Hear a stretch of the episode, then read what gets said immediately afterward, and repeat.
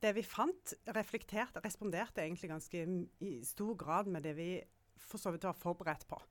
Men det var verre, vil jeg vel si.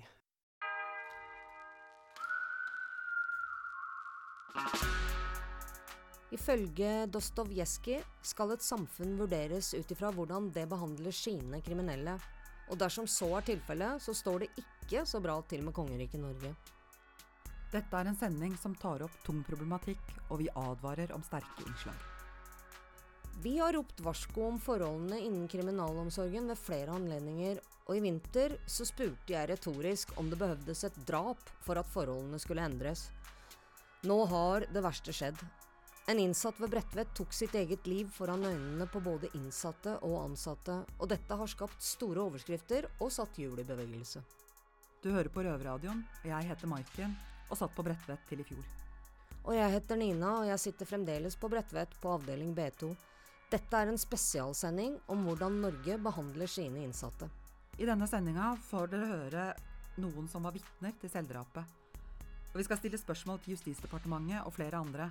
Men først snakker vi med Sivilombudet, som besøkte Bredtvet rett etter selvdrapet. Vanligvis når Sivilombudet er på besøk, så lager dere en rapport i etterkant. Og det tar jo litt tid før den er ferdig. Men denne gangen så sendte dere et brev til Justisdepartementet allerede uka etter. Og varsla om kritiske og livstruende forhold på Bredtvet. Hva var det dere så som fikk dere til å blåse i den nødfløyta? Ja, det er jo som du sier at vanligvis så gjør vi ikke dette. Det er faktisk første gang vi eh, har gjort det. Um, og årsaken til det var at vi uh, så um, Forholdene på Bredtvet eh, var jo spesielle den uken vi var. Fordi det var begått et selvmord ikke mange dagene før vårt besøk. men det var jo ikke vi klar over da vi kom. og um, bakgrunnen for at vi hadde forberedt besøket, det handla om informasjon om omfattende selvskading, bruk av tvangsmidler som sikkerhetsceller og belteseng. Mange forhold som vi var, gjorde oss bekymra. Um, det vi fant, reflekterte, responderte egentlig ganske i stor grad med det vi for så vidt var forberedt på, uh, og som var bakgrunnen for at vi gjorde uh, dette besøket. Men det var verre, vil jeg vel si. Uh, det var en større opplevelse at det var mange innsatte med veldig store utfordringer. store oppfølgings... Altså behov for ivaretagelse. Um, det var uh, mange innsatte som var veldig berørt av de som hadde store behov. og som også følte at det influerte veldig sterkt på deres hverdag og deres, hvordan de hadde det. da. Uh, så var det en opplevelse av mange ansatte som uh, Eller egentlig for få ansatte.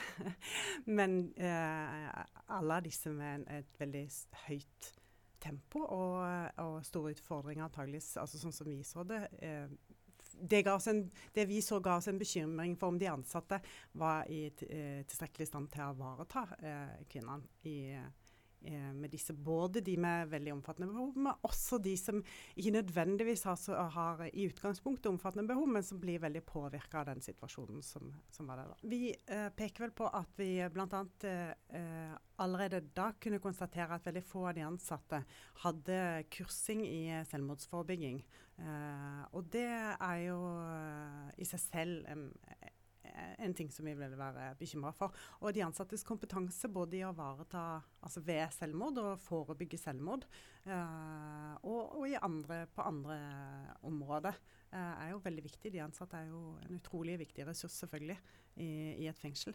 Mm. Ja, for Det dere skriver og bl.a. gir uttrykk for bekymring for, er jo at den pressede situasjonen som de ansatte er i, og den manglende opplæring og sånt, og det øker risikoen for at, eh, for at de ansatte kan krenke de innsatte, eh, rett og slett. Vi er egentlig alltid opptatt av de ansatte, særlig hvis de eh, jobber steder der det utøves, utøves, tvang, og der folk eh, kanskje er eh, holdt tilbake på ganske restriktive regimer. Um, så er ivaretakelsen av de ansatte veldig viktig for at de innsatte eller pasientene eller ungdommene som er på en barnevernsinstitusjon, blir godt ivaretatt. Um, hvis man er pressa Eh, eller mangler god nok kompetanse. Men særlig hvis man er pressa og f.eks. over tid ikke har fått mulighet til god debrief, eh, kollegastøtte, støtte fra lederen sin, eh, så, så, er man jo mer i risiko for å gjøre ting man ikke burde gjøre. da. I januar i år så ble noen av de sykeste innsatte på Bredtvet akuttflytta til en egen avdeling på Ullersmo. For å forhindre alvorlig skade på liv og helse og ivareta innsattes sikkerhet, er ikke kriminalomsorgen i stand til å løse oppdraget sitt? Nei, og det, jeg, skal ikke, jeg, skal være forsiktig med å gå inn og spekulere i hvilke andre løsninger man kunne tenkt seg eh, enn å flytte. Fordi eh, når vi ser beskrivelse av situasjonen sånn som den var på Bredtvet i januar, så kan man forstå at det opplevdes veldig prekært at noe måtte gjøres. Uh, men det er jo et spørsmål om flytting. Uh, altså det finnes jo andre måter å løse en prekær situasjon på enn å flytte innsatte videre. Men uh, når, når det er sagt, så vil jeg si at det, vi var mest bekymra for, var um, det vi så som konsekvens av den flyttingen. Og det var jo at man valgte et mannsfengsel. Uh, og valgte, fordi man valgte et mannsfengsel, valgte den mest restriktive avdelingen i dette mannsfengselet. Og forutsatte at de innsatte som ble flytta, uh, hadde utelukkelsesvedtak. Altså at de skulle sitte isolert. Andre um, forhold vi har vært bekymra for, det er um, bruk av tvangsmidler som sikkerhetscelle eh, bl.a. Der vi har, eh, og også utelukkelse, der vi noen ganger har sett at vilkårene Vi er, har vært kritiske til om vilkårene har vært oppfylt. Kanskje bruken av sikkerhetsseng har blitt for mye, eller om det blir brukt uforholdsmessig mye tvangsmidler, eller? Ja, Når eh, det gjelder sikkerhetsceller, så har vi vært opptatt av det. Men uh, faktisk så har vi gått lenger når det gjelder sikkerhetsseng. I rapporten vår um, i 2020 så lagde vi en temarapport om bruk av sikkerhetsseng. og Da så vi på bruken av sikkerhetsseng gjennom seks år, faktisk. Så da samla vi inn alle vedtak for seks år. Eh, det funnet som overraska oss mest, det var jo at eh, kvinner faktisk, eh, de kvinnelige innsatte har fem og en halv gang høyere risiko for å bli lagt i belte enn de mannlige innsatte. Um, og uh, sikkerhetsseng, det konkluderte vi faktisk da med i denne temarapporten. At, vi, at vi, uh, vår sterke anbefaling var å avskaffe den. Eh, Sivilombudet jobber nå med å ferdigstille en rapport eh, som vi i Røverradioen naturligvis kommer til å følge opp. Heldigvis er det også andre som følger med på hva kriminalomsorgen gjør. Og en av disse er Advokatforeningen. Vi har snakka med generalsekretæren der, Merete Smith. En av de tingene vi gjør, er å være opptatt av rettspolitiske spørsmål. Så vi har vært, gjennom mange år vært opptatt av soningsforhold og problemer knyttet til eh, soning i norske fengsler. Ja, for at uh, soningsforholdene på spesielt Bredtvet er svært dårlige. Det har jo vært kjent lenge, og at tallene for selvskading er høye. Hva tenker Advokatforeningen om det? Dessverre så har jo utviklingen ikke gått i en bedre retning, det har gått i en verre retning. Det er blitt økt selvskading. og vi har jo også hatt noen forferdelige selvdrap i det mm. siste. Og forholdene på Bredtvet for øvrig har vi også en mistanke om at det er blitt verre. Eh, det skjer isolasjon i strid med menneskerettighetene. Men også en annen problemstilling som kanskje er blitt mer tydelig i det siste, det er at for de som soner, og som opplever andres eh, problemer, da, for å si det sånn. Mm.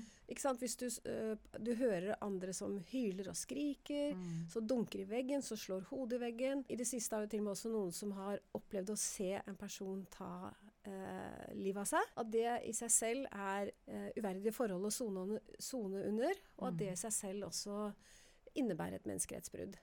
Ja, for tenker, man, tenker dere da at, at det gjør staten ansvarlig for et menneskerettighetsbrudd overfor de andre innsatte? Ja, jeg tenker jo at det absolutt er et uh, synspunkt. Og mm. Maria Hessen Jacobsen har vært særlig opptatt av dette. At, uh, det at forholdene har vært uh, kritikkverdige, for å ta et mm. mildt ja. uttrykk, over ja. lang tid. Staten er blitt varslet om det, og det er ikke blitt satt inn tilstrekkelig tiltak for å sikre at, at man har verdige forhold når man soner på Bredtvet. Mm. At det kan innebære et ansvar. Men dere, for dere har jo tatt opp det som du nevnte, dette med isolasjon og sånn. Og da, da kom det jo til et, et forlik hvor staten egentlig innrømmet menneskerettighetsbrudd. Ja, vi startet jo på en måte med å prøve heller gå den mer sånn forsiktige veien og snakke mm. med politikerne. Skrive brev og mm. ha møte med politikere på Stortinget og fortelle om at vi mener at isolasjonen som skjer bl.a. på Bredtvet, men Mm. også i andre fengsler, at den er, innebærer brudd på menneskerettighetene. Mm. Og så opplevde vi på en måte at eh, ingenting skjedde. Vi ble ikke tatt alvorlige. Mm. Uh, og så tenkte jeg at ok, det vi da gjør, er å rett og slett gå til søksmål mot staten. Og så hadde vi uh, Vi hatt et par sånne saker, men i, i en av dem, da, der var det en veldig modig kvinne som selv hadde opplevd det forferdelige å, å ligge på sikkerhetsseng. Uh, altså det som det, Ordet er liksom så forsiktig, men det er jo helt Du blir jo, ligger jo i belte, ja. belteseng Mm. Over mange, mange timer. En gang tror jeg over 30 timer, en annen gang over 40 timer. Altså det er jo helt umenneskelig. Mm. Um, sammen med henne da, så gikk vi til søksmål mot staten, og hun var veldig opptatt av at hun ikke bare skulle få en erstatning, men staten skulle erkjenne menneskerettsbrudd, eller Mm. domstolen skulle dømme til menneskerettsbrudd. Og så Mm. kom det faktisk til enighet, altså at det ble et forlik. Og da i Så det kom en erkjennelse, da. Ja, det kom rett og slett en erkjennelse. Men Og eh, dette hva er- blir konsekvensen for staten, da? Bortsett fra erstatninga, trenger de å endre praksisen sin? Ja, altså det, det er jo det gode spørsmålet. At uh, Man skulle jo Mm. tro at når staten har erkjent menneskerettsbrudd, så, så skjer det en endring. Nå Ja. tar de tak. Men forholdene er jo siden den gang bare blitt verre. Vi har jo snakka med Sivilombudet også, og på vei ut herfra så nevnte hun at det er jo et paradoks at kriminalomsorgen, som, som liksom er det mest lukka systemet, har den dårligste tilsynsordningen. Altså Den tilsynsordningen er for dårlig, og den trengs å forbedres i betydelig grad. Vi har jo medlemmer fra menneskerettsutvalget vårt som er i noe av disse tilsyns, den tilsynsordningen. Og jeg tror nok at uh, de føler en stor frustrasjon på at uh, de har både lite ressurser uh, og lite muligheter og verktøy for å foreta ordentlig tilsyn. For det er klart at sånn er det med oss alle. altså Hvis vi blir sett i kortene, så blir man jo ofte litt uh, bedre. Det er godt at vi har folk som følger med på forholda innen kriminalomsorgen. De trengs. Selv kan vi jo føle oss ganske maktesløse iblant. Redaksjonsmedlemmene våre på Bredtvet fengsel var øyenvitner til hendelsen, og her kommer deres berettelse kun få dager etter selvdrapet. Vi må advare om sterkt innhold. Lørdager pleier vi å bli låst ut klokka kvart over elleve. Og med det samme, vi går ut og røyker. Og vi gikk ut og røyka, og når jeg kom tilbake Jeg hentet to egg fra rommet mitt, for jeg ville koke dem og spise. Og så stoppa jeg på kontoret og snakka noe med noen av betjentene. Det var det, det varte bare i to minutter, så hørte jeg skrik. Og så tenkte jeg OK, for det er, det er vanlig at eh, kvinner krangler her i fengsel. Så dro jeg på kjøkkenet for å se hvem krangler. Og så så jeg en innsatt som så rett på ansiktet mitt. Veldig fort, og det skjedde veldig fort. Og det, eh, det blikket hun så, for den måten hun så meg, hun var veldig rar. Så ropte jeg på betjenten og så ja, Jeg husker ikke mer, for jeg besvimte og jeg datt på gulvet. Og jeg husker ikke mer enn det, men jeg så den her som Jeg skal aldri glemme hvordan det kan skje i fengsel noe sånt. Dette var helt tragisk. Det er ordfattig. Jeg, jeg har ikke noe annet å si enn det var veldig, veldig, veldig forferdelig. Jeg kommer til å leve resten av livet med dette her, og jeg klarer ikke å la være å tenke på det. Hun er alltid med meg. I hodet mitt, i hjertet mitt. Jeg klarer ikke å spise, jeg klarer ikke å sove. Jeg klarer ikke å tenke på mine barn engang. Dette er helt forferdelig. Det som har vært så vondt også, er jo at hun har bedt så lenge om hjelp. Eh, og kvelden før så lagde hun en grønn smoothie til meg. Og på morgenen så var hun så var hun så glad, på en måte. Hun var, smilte til meg og 'good morning'. Um, og så ble jeg spurt om jeg hadde lyst på en avis og sitte ned og lese på kjøkkenet. Og så fikk jeg en følelse at nei, jeg tar med meg skåla med melk inn på, på rommet. Og da hørte jeg bare skrik fra kjøkkenet, og så etter hvert så hørte jeg disse lydene, da. Jeg så det jo ikke da, men jeg hørte det veldig tydelig. Og du Ja, altså, du ble så maktesløs. En, ja, redd for hva kunne har ha gjort? Hva slags hva, Ja. Det er så mange spørsmål. Det er så liksom sånn Hun var endra farge fra frisk til grå. Eh, og hun kjempa jo veldig foran oss. Mm. Um, og jeg husker hun spurte og spurte hun, Can I get an extra hug tonight? Husker Ja. du det? Ja, og så ga hun meg en sånn hårkur. Mhm. Hun sa til meg, vil du ha den, for jeg bruker ikke.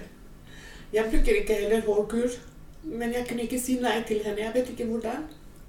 Så hun vil at jeg skal lese Koran for henne i de siste dagene. Hun vil at jeg skal lese Koran.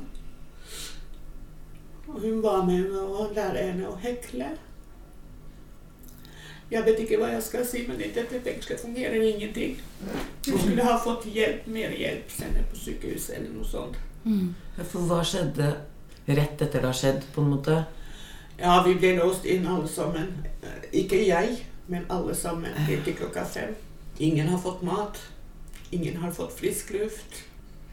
Andre avdelinger de har, de har sett at noe har skjedd, men ingen visste noe. Og alle var alene på cella. Og sikkert de, har, de hadde masse spørsmål. For jeg snakka etterpå med noen på avdeling fire, for jeg ble flytta på firene pga. at jeg, jeg hadde det veldig dårlig. Og de jentene som var, noen av dem som var på fyren, sa at jeg holdt på å bli gal. Jeg visste ikke hva har skjedd, men jeg visste at noe har skjedd. Noe veldig alvorlig, liksom. Men jeg, hold, jeg holder også på å bli gal.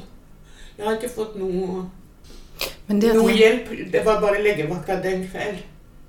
Men vi trenger profesjonell hjelp. Vi har ikke fått det.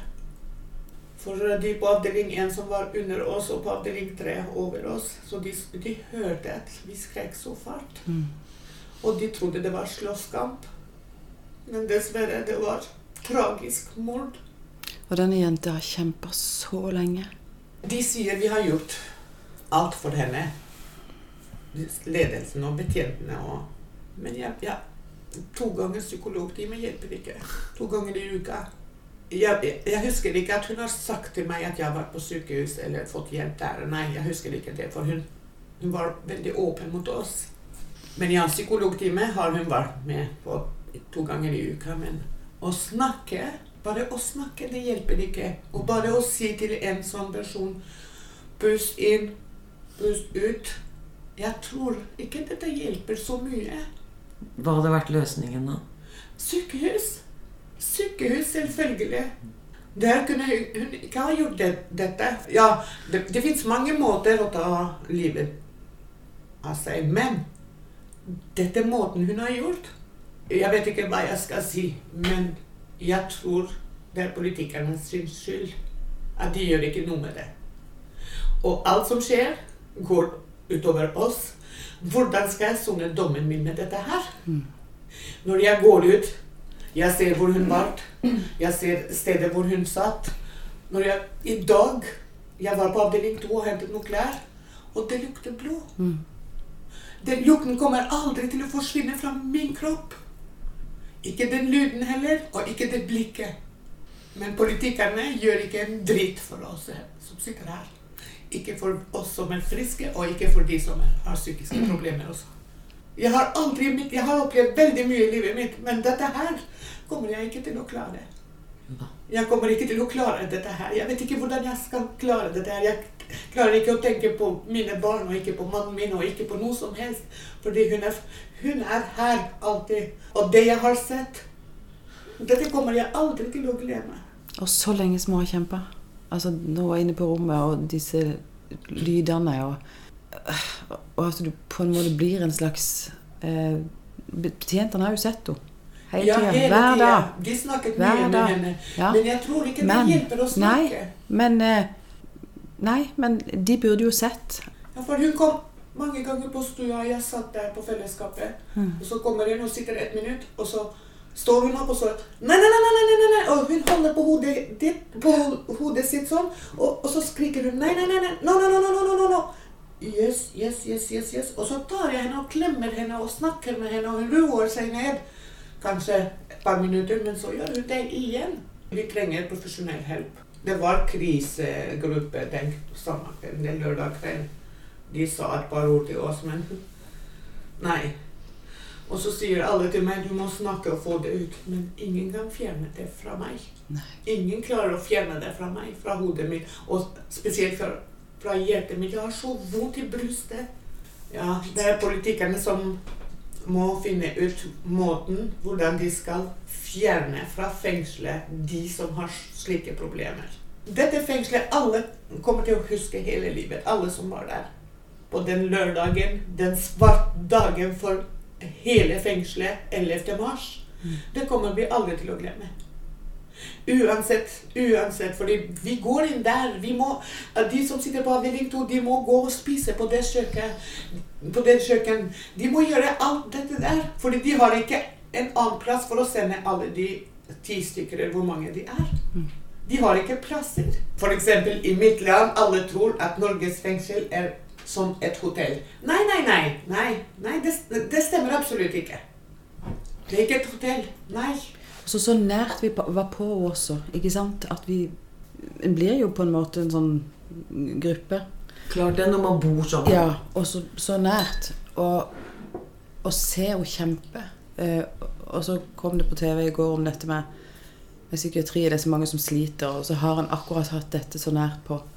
Ehm, og, og, og det å få hjelp. For de spurte i går fra disse her KDI da, hva, hva, hva trenger dere nå? De politikerne de eh, har sin jobb, og de går hjem og har sin, sin familie, og de koser seg. Og de tenker ikke på oss, rett og slett. Vi er glemt, og vi er ikke sett her. Nei. Ingen, ingen bryr seg om oss. Vi spilte dette innslaget for vårt redaksjonsmedlem Christian, eh, som sitter i Oslo fengsel, og her er hans tanker rundt dette. Eh, Litt vanskelig å sette seg inn i, egentlig. Altså, jeg sitter og ser en serie nå på cella mi, Walking Dead. Og det er sånne scener du ser der, liksom, som er egentlig Sånn uvirkelige greier, da. Som du tror du egentlig bare ser på, på TV. Um, men også være der og se det og, og høre det. Det må jo være helt uh, Sånn som de beskriver liksom de lydene og ja. Uh, se det ekte, det må være helt for jævlig, altså. Uh, ja, man blir liksom litt sånn målløs, egentlig. Um, og så tenker tenker man den følelsen etterpå, da. Og så bare bli låst på cella di, liksom. Og, og ikke vite noe mer, da. Ja, det er um, Det er, eh, det er tøffe saker, altså. Ja, vi er helt sjokkert her i Oslo fengsel og hører sånne ting. Jeg håper dere får den hjelpa dere må ha, og, og litt til, egentlig. Så ja, stå på, hold motet oppe. Ja, akkurat det å være innlåst, det betyr jo at man ikke får prata med folk når noe jævlig skjer, og det kan jo skje så mange ting når du sitter eh, i fengsel. Jeg har ikke opplevd noe som eh, tilsvarer eh, det de jentene forteller om, men eh, jeg veit jo følelsen av maktesløshet du opplever når du ikke får meddelt følelsene dine til noen. At det bare koker inne med all elendigheten. Ja, vi, har jo, vi opplevde vel også et, et selvdrap Det da vi vi. satt der. Og det er jo noe med at du skjønner at det har skjedd noe alvorlig. Du veit ikke med hvem. Eh, Du veit ikke når du kommer ut. Du veit ingenting. Og, og den innlåsinga der betyr jo en de facto isolasjon, faktisk. Uh, og akkurat det har Christian og CJ i Oslo snakka med fengselsprest eh, Harald Kjær om. Alle vet jo at isolasjon er den viktigste årsaken til eh, både selvskading og eller depresjon og sånn i, i fengsel. Vært, eh, å forhindre isolasjon er et, et av de beste ting, grepene man kan gjøre. Eh, og så er jo eh, det vanskelig, fordi at fengselet er jo på en måte bygd opp på prinsippet isolasjon. Om ikke det er det som er målet, så er det jo det man eh, Ender opp med. ender opp med å gjøre. Mm. Men dersom du skulle hatt eh, mer makt da, i fengselssystemet, hva hadde du gjort for å forbedre situasjonen som vi har i dag? Å, det er fryktelig vanskelig å si. Altså, Fengsel er noe som er fryktelig lett å kritisere, og så er det fryktelig vanskelig å liksom komme med realistiske, gode løsninger. Men, men det er klart eh, eh, jeg, jeg ville prøvd å fått flere mennesker inn. For det er klart, hadde det vært mange ansatte, så hadde det vært mye tryggere å lage å ha folk, mange flere ute av cellene på aktiviteter og, og fornuftige ting. For det vet vi jo, at det bare det å få noen ut i aktivitetsbygget en time, eller ut i luftegården en time, at det, det, at det letter litt og hjelper litt. Ja. Mm. I Norge så sitter det jo folk flest på celle Eller ikke folk flest, men her i Oslo fengsel i hvert fall. eh, kan sitte på cella si opptil uh, 21 timer. Eh, har du noe å si til de, så de kan takle dette? For det første har jeg aldri prøvd det sjøl. Eh, selv om jeg har vært fengselsprest og hørt historier om dette her i 19 år, så, så, så vet jeg at jeg egentlig ikke jeg, klarer å sette meg inn i hvordan jeg, jeg ville hatt det. Kanskje du skal prøve? Ja, men jeg tror ikke Nei, jeg tror ikke for da må jeg gjøre Kanskje noe alvorlig galt. For jeg tror ikke det holder å bare bli låst inn en uke for å prøve, for jeg vet at jeg kan bli låst ut når jeg vil. Jeg fikk eh, vite nå her om dagen at det var eh, ei jente som hadde da blitt flytta fra Bredtvet til eh, Oslo fengsel. og Lånt en sikkerhetscelle her. Og det er jo i alle henseende bare en sånn siste utvei for å hjelpe folk til å ikke skade seg selv for mye. Men det er klart det er aldri noe, det er, det er aldri noe god opplevelse for en pasient å, å bli eh, lagt i remmer eller satt på en sikkerhetscelle. Alle som har vært nede i sikkerhetscella, skjønner det, tror jeg. Er det noe automatikk i at når f.eks. Bredtvet velger å måtte kjøre ei eh, veldig sjuk eh, i sikkerhetscelle her, er det en automatikk i at du får beskjed om at nå kanskje vi trenger deg her nede, eller Det er ikke noe sånn automatikk at jeg alltid får vite om noen som er på sikkerhetscelle. Og så er det jo litt sånn at hvis noen er på sikkerhetscelle, så får jo ikke jeg heller lov å, å gå liksom på en måte inn, inn der. Okay. Eh, nei, da må jeg stå og prate i den luka. Men jeg har vært nede på sikkerhetscella med folk, jeg, folk jeg kjenner og har relasjon med er der. Så har jeg vært der nede og bare stått i luka og sagt beklager, jeg kan ikke komme inn, men, men jeg skal følge med og besøker deg med en gang du kommer opp på cella di igjen. Men er det ikke litt mer betryggende for de menneskene som befinner seg der på sikkerhetscelle, når de da får en prest på besøk?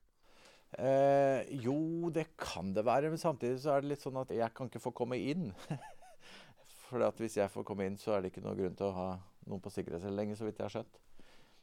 Den pressa situasjonen som kriminalomsorgen har vært under i lang tid nå, og den spesifikke krisen som spesielt kvinnesoninga og da Bredtvet eh, har vært under nå i det siste, gjorde i hvert fall at det løsna noen beslutninger og penger fra regjeringen. Og i revidert nasjonalbudsjett kom det melding om ekstrabevilgning til kriminalomsorgen.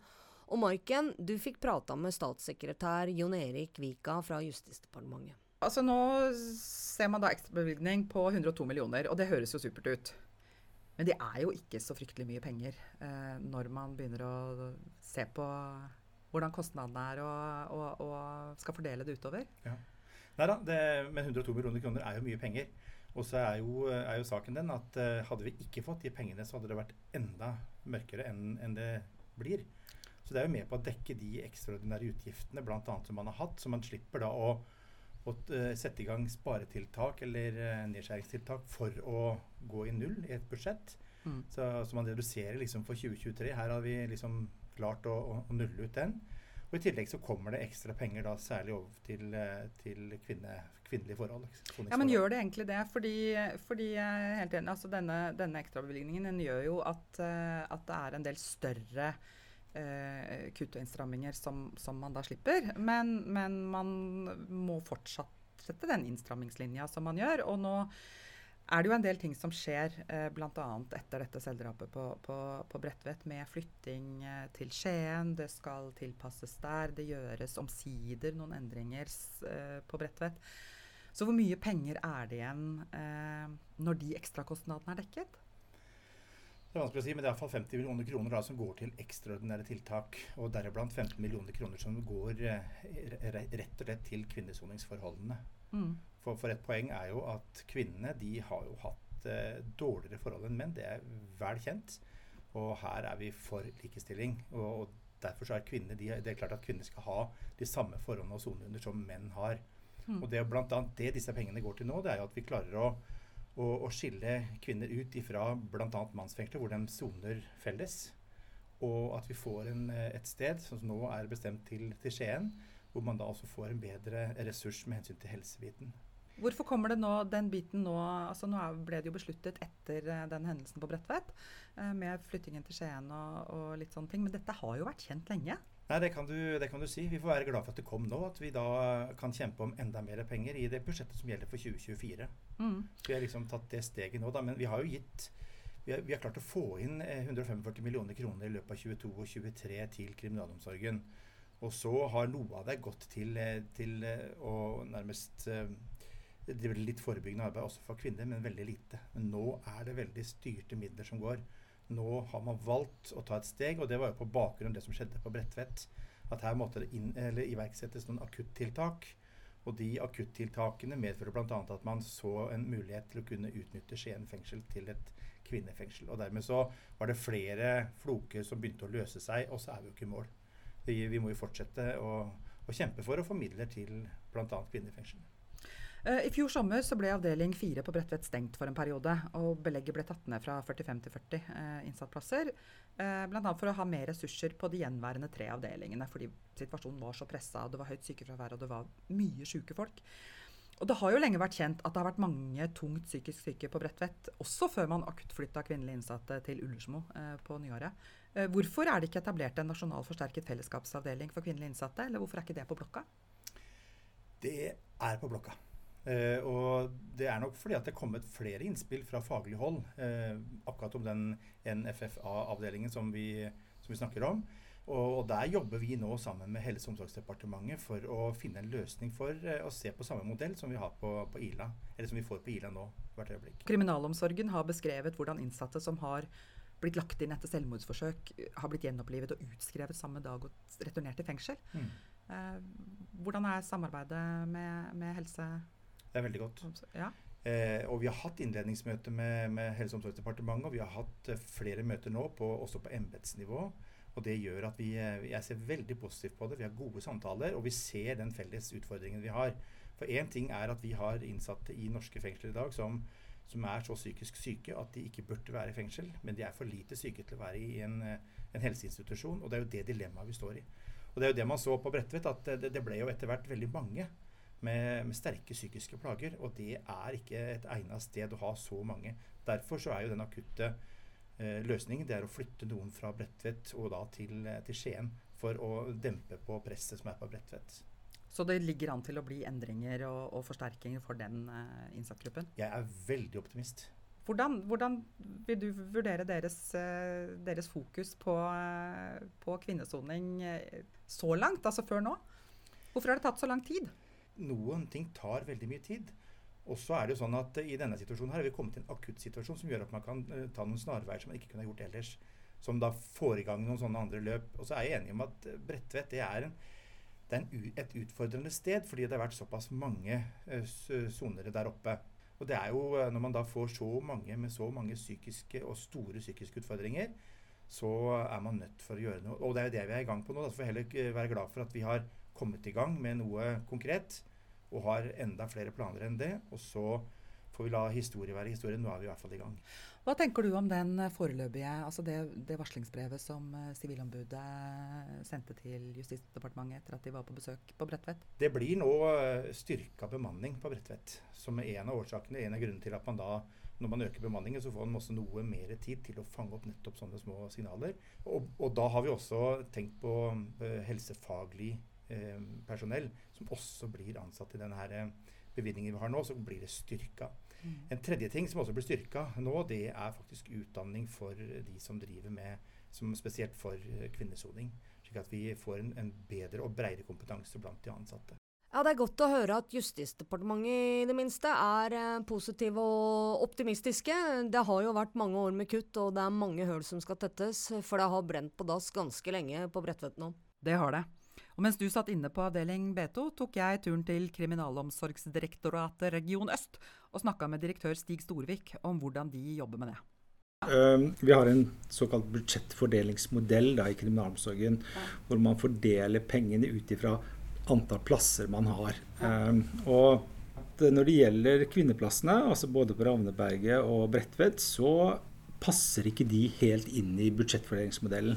Mm. Eh, fordi vi ser at de er litt dyrere å drive enn ordinære mannsfengsler på høyere sikkerhet. Det regionen da har gjort, er å omfordele noe når det gjelder kvinner. Det som har skjedd da, er at vi har styrket eh, budsjettet til Bredtvet med sånn ca. 10-11 millioner de siste årene. Men det har jo selvfølgelig gått på bekostning av noe, og det er på bekostning av de andre fengslene da i Region Øst. Når eh, den ene avdelingen ble stengt på, på Bredtvet i fjor, hva var det som var bakgrunnen for det?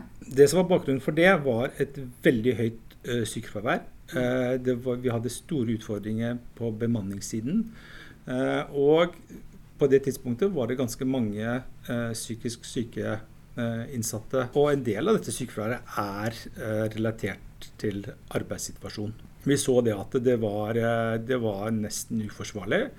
Så vi, eh, regionen, ba da eh, direktoratet om å kunne redusere antall plasser på Bredtvet fra 45 plasser til 40 plasser. Og så ba vi om at eh, en av avdelingene ble midlertidig stengt, slik at vi kunne flytte mannskaper fra denne avdelingen over i de andre avdelingene for å styrke bemanningen der. Men så ble det jo da i, på nyåret eh, så ble det jo besluttet at noen innsatte skulle flyttes eh, til Ullersmo. Ja, og da var det igjen en kritisk situasjon hvor det var veldig mange eh, psykisk syke innsatte. Ja. Eh, det var omfattende bruk av tvangsmidler, altså sikkerhetscelle og sikkerhetsseng, kombinert med lav bemanning pga. høyt sykefravær. Mm. Og da mente vi at det, det eneste forsvarlige å gjøre da, det var å, å flytte de ut av Bredtvet. Vi prøvde selvfølgelig først å flytte de til andre enheter som har eh, kvinner. Eh, men eh, det var ikke lett å få flyttet de over til disse mindre enhetene, for de er ofte ikke så robuste til å kunne håndtere de. De har ikke bygningsmasse til å klare å håndtere eh, en situasjon hvor hvor flere er utagerende, og, mm. og, det er behov for å, å bruke disse tvangsmidlene. Da. Er på en måte ikke kriminalomsorgen rigget for å håndtere sine innsatte? Nei, I den situasjonen som, vi, som oppsto på det tidspunktet, så var vi jo ikke det. Fordi eh, så Og vi, vi, tar absolutt til oss kritikken fra Sivilombudet. Mm. Men der og da så, så ikke vi noen annen løsning enn å flytte de over. Eh, i den Gjorde kriminalomsorgen da noe forsøk på å få de lagt inn f.eks. på psykiatrisk? Ja, det gjør vi hele tiden, egentlig. Eh, ja. Men eh, det er ikke lett å få de lagt inn. Og vi ser jo også det at eh, når en innsatt begynner å bli urolig, så får det en sånn smitteeffekt for de andre. Uh, bygningsmassen på Bredtvet bærer lyden dessverre veldig godt, slik at det er lett å høre når uh, noen blir urolig. Og det er klart at uh, det å bli utsatt for andres lidelse, det er ikke bra for noen. Nei. Men hvordan er det nå på Bredtvet og med, med, bruk av sikkerhetscelle og sånn? Jeg har hørt noe om at, er, at, at man bruker sikkerhetscellen i Oslo fengsel. Ja, vi, eh, i et tilfelle så måtte vi det. Sikkerhetscellene på Bredtvet uh, måtte renoveres i all hast. Det, det var løse gulvet som begynte å løsne, og man kunne da bruke biter av gulvet til f.eks. selvskading osv. Er det noen andre ting eh, som dere gjør for å støtte Bredtvet? Ja, mm, en rekke tiltak som, som vi har vært inne og, og bistått Eh, f.eks. Bredtvet med. Eh, når det har vært veldig lav bemanning, så har vi prøvd å omdisponere mannskapet fra nærliggende fengsler til Bredtvet for å styrke bemanningen der. Mm. Vi eh, har vært en pådriver for å få på plass dette ressursteamet som vi etablerte på Bredtvet i fjor. Mm. De eh, eh, konsentrerer seg eller jobber opp mot de innsatte som sliter spesielt mye. Eh, og som de sørger for å få ut av cella, eh, få de i aktivitet, eh, få meningsfull menneskelig kontakt. Det vi ønsker, det er jo at å styrke samarbeidet mellom ressursteamet på Bredtvet og NFFA på Ila. NFFA, ja, NFFA er Nasjonal forsterket fellesskapsavdeling, ja. som er et tilbud for utagerende psykisk syke innsatte. Mm. Og de har en, en, tung kompetanse, og vi ønsker da ha et sterkere samarbeid mellom NFFA uh, på Illa og ressursteam på Bredtvet. Mm. Uh, vi har innhentet informasjon fra kriminalvården i Sverige, uh, hvor de har et ganske sånn en, en, en ganske omfattende rutine på at, eh, på at de gjør jevnlige samtaler hvor bl.a. screening for selvmordsfare er en del av det, bl.a. i forbindelse med alle overganger. Vi har absolutt noe å lære på dette området. Og, og det høres veldig interessant ut, eh, det man gjør i Sverige. eh, Mm. Med at overganger eller når det skjer dramatiske ting, at man da har rutine for å, å skrine, som du sier. Mm, ja. Det er jo mye som dreier seg om, om økonomi. eh, og Hvordan har det vært nå? For det har jo kommet noen ekstratildelinger. Altså man har jo hatt disse Det har vært mye ekstraordinære kostnader også de siste årene. ikke sant? Eh, Ja, hva slags kostnader da? Energikostnader har jo vært eh, veldig eh, byrdefylt for kriminalomsorgen. Vi har en voldsom eh, bygningsmasse. Vanligvis så har kriminalomsorgen brukt 75 millioner i året på energi. I fjor byksa det opp til 115 millioner nesten. Eh, og vi forventer i år eh, energikostnader på 160-170 millioner. I tillegg så er det jo en, en ganske stor prisvekst, eh, og den blir heller ikke kompensert fullt ut. Legger man alt dette sammen, så blir bildet nokså dystert. Ja, han er jo ikke riktig så optimistisk som statssekretæren, han eh, regiondirektøren. Eh, sånn sett får vi kanskje håpe at det kommer mer midler, da. Men eh, hva veit man? Nei, nei, hva veit man? Jeg prata jo dessuten med nye fengselsleder for Bredtvet fengsel og forvaringsanstalt, Levi Tyriberget, og her er anstanker omkring midlene. Du overtok jo etter eh, Doris Bakken i forbindelse med hennes avgang etter eh, selvdrapet og den krasse kritikken fra Sivilombudet. Eh, Hvordan har det vært for deg å trå rett inn i det? Nei, jeg må jo si at det, det var en eh, brå endring for meg òg. Det var jo det. Eh, og så var det med ydmykhet og respekt for det som har vært på, av utfordringer på Bredtvet, som jeg har kjent litt til fra den forrige jobben. Så eh, Men det har vært fint. Det har vært eh, fint å komme til Bredtvet. Kan du fortelle noe om hvilke konkrete tiltak du har iverksatt eh, etter at du tiltrådte? Når jeg begynte, så kom jo jeg med egentlig en handlingsplan som var laga av eh, regionalt nivå eh, sammen med direktoratet. Så det var en liste på 15-16 handlingspunkter eh, som vi har begynt med direkte egentlig fra jeg kom, med, hvor det ene har vært eh, en styrking av eh, ansatte. Både fengselsbetjenter og to fagstillinger bl.a. Eh, sosialkonsulent og tilbakeføringskoordinator, som ikke har vært der på en stund. Ja, det var jo veldig nødvendig. I hvert fall de to stillingene der. Det har Ja. jo vært flere år uten, med fravær av det, så Ja, og det er flere stillinger også som har vært ned i omstilling på Bredtvet. Men uh, dette er to av de, og, og de er nå tilbake som uh, midlertidige. Og så er de også lyst ut for faste stillinger. mm.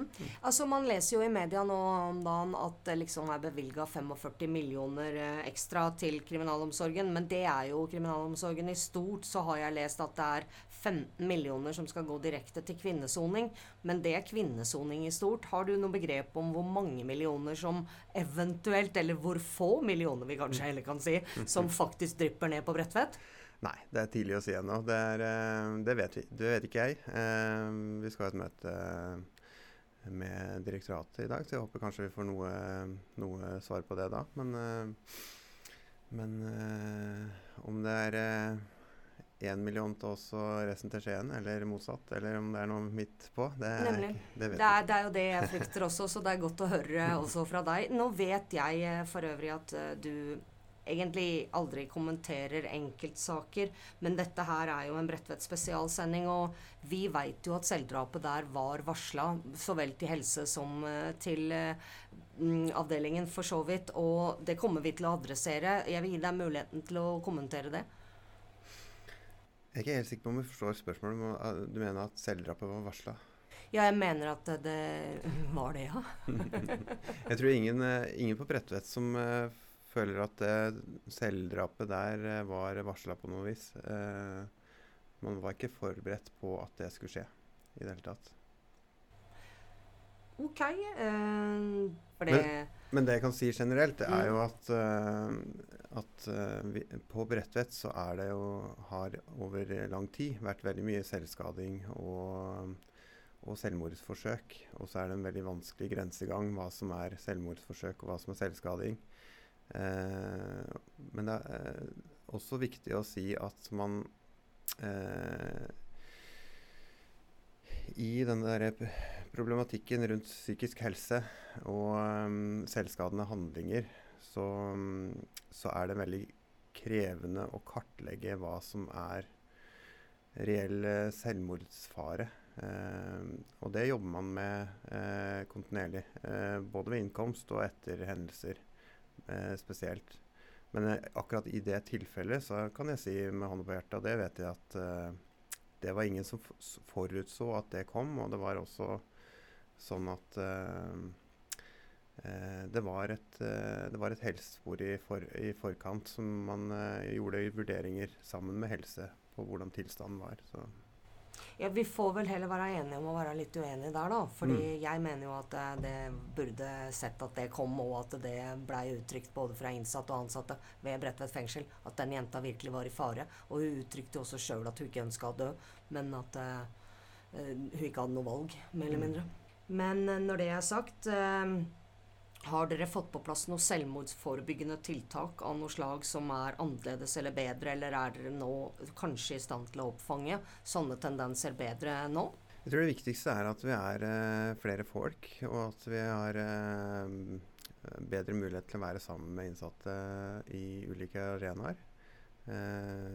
Og som gjør oss da kanskje bedre i stand til å få, fange opp signaler eller, eller følge opp når vi vet at det er eh, utfordringer. Nå har vi prata med mange i høye posisjoner, men Nina har også snakka med ei vi har prata med mange ganger før, musikklærer Venja Ruud Nilsen. Du har jobba på Bredtvet i en årrekke. Ja, jeg begynte i 91. Eh, hva, hva kan man gjøre, eller hva gjør du hvis du opplever at noen kanskje er for syke til å egentlig være der? Nei, da Det er ikke så veldig Altså, det er mange som er veldig syke. Ja. Det er mange som skader seg sjøl. Det, er mange- altså, det er mange som egentlig rett og slett burde vært innlagt i psykiatrien, sikkert. Men det er ikke plass til dem. Nei. Vi har ikke plasser. Så det jeg kan gjøre, det er å melde bekymring. Har du gjort det nå i det siste? Det har jeg gjort én gang. Mm. En gang, ja. ja. Så jeg har ikke gjort det ofte. Nei. Men jeg har gjort det én gang. Mm. Og det var eh, nå nylig? Ja, det var nå nylig. Du kan ikke si noe mer om det? Nei, jeg kan ikke det. Dessverre. Nei. Ikke. Eller dessverre, dessverre. Jeg kan ikke det. Det arbeidet med denne sendinga og alle mine elleve år i kriminalomsorgens kjærlige varetekt har lært meg, er at det trengs flere midler. Vi må ha flere betjente på jobb og mindre isolasjon. Og Som en følge av dette kan vi i den beste av verdener få ned antallet selvskading og selvdrap, og igjen begynne å fokusere på rehabilitering og tilbakeføring til samfunnet. For vi har i vår siviliserte del av verden gått bort ifra dødsstraff, og må slutte å plage folk så ille i straffesystemet at de heller velger å ta sitt liv enn å utholde straffa. Verdens mest berømte fange, Nelson Mandela, brukte det samme sitatet som vi starta denne sendinga med. At kvaliteten på et samfunn kan måles ut fra åssen det behandler sine fanger. Alle er tjent med en kriminalomsorg som kan løse samfunnsoppdraget sitt på en human måte, uten å krenke menneskerettigheter, liv og helse. Vi håper at et samla storting kan stille seg bak dette og legge penga på bordet. Du har hørt på Røverradioen, og jeg heter Maiken og satt på Bredtvet til i fjor. Og jeg heter Nina og sitter fremdeles på Bredtvet, avdeling B2.